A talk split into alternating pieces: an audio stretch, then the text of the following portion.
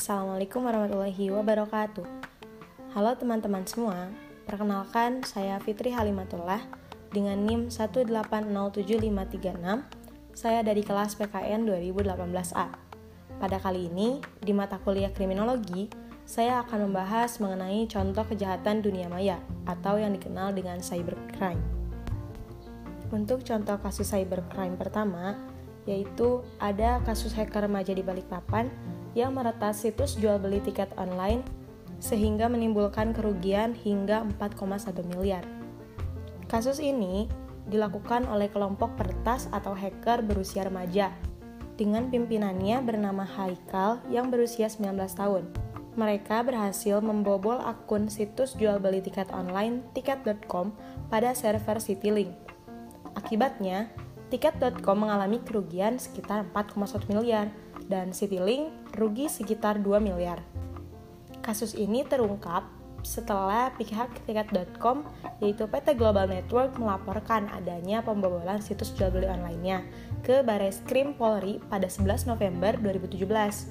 Pelaku meretas akun situs jual beli online tiket.com pada server maskapai PT Citylink Indonesia, yaitu pada 11 sampai 27 Oktober 2017 pihak tiket.com sendiri mengalami kerugian sebesar 4,1 miliar karena pelaku meretas, mengambil, serta menjual jatah deposito tiket pesawat pada server Citylink Indonesia.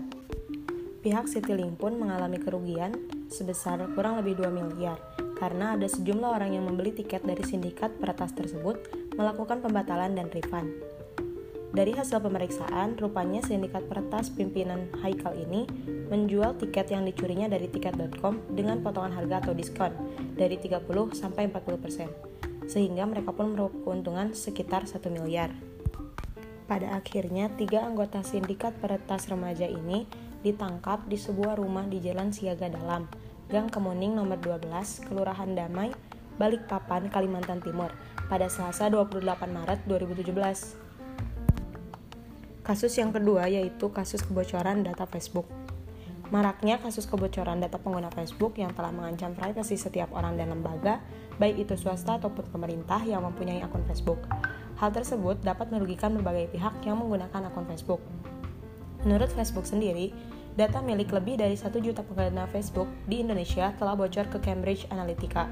Tidak hanya ke Cambridge Analytica, data pengguna Facebook juga bocor ke QView, yang mana QView adalah firma analisis pihak ketiga yang mengumpulkan data melalui kuis kepribadian.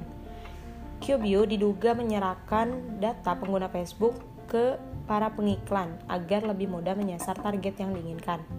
Indonesia berada di urutan ketiga setelah Amerika dengan kebocoran data sekitar 70,6 juta pengguna Facebook.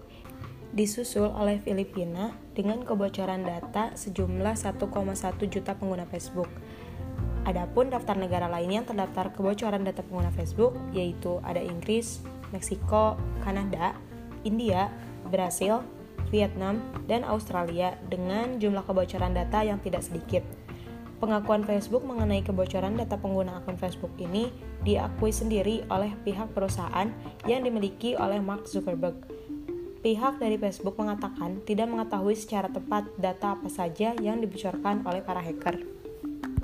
Di Indonesia sendiri, Mabes Polri memastikan siap mengusut kebocoran jutaan data akun Facebook di Indonesia yang dimiliki oleh warga negara Indonesia.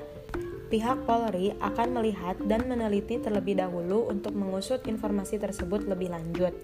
Sedangkan dari peraturan menteri sudah diberikan beberapa peringatan, teguran lisan, dan juga teguran secara tertulis.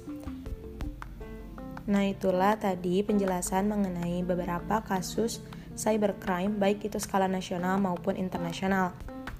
Terima kasih telah mendengarkan podcast ini. Semoga bisa menambah wawasan dan sampai jumpa di podcast selanjutnya.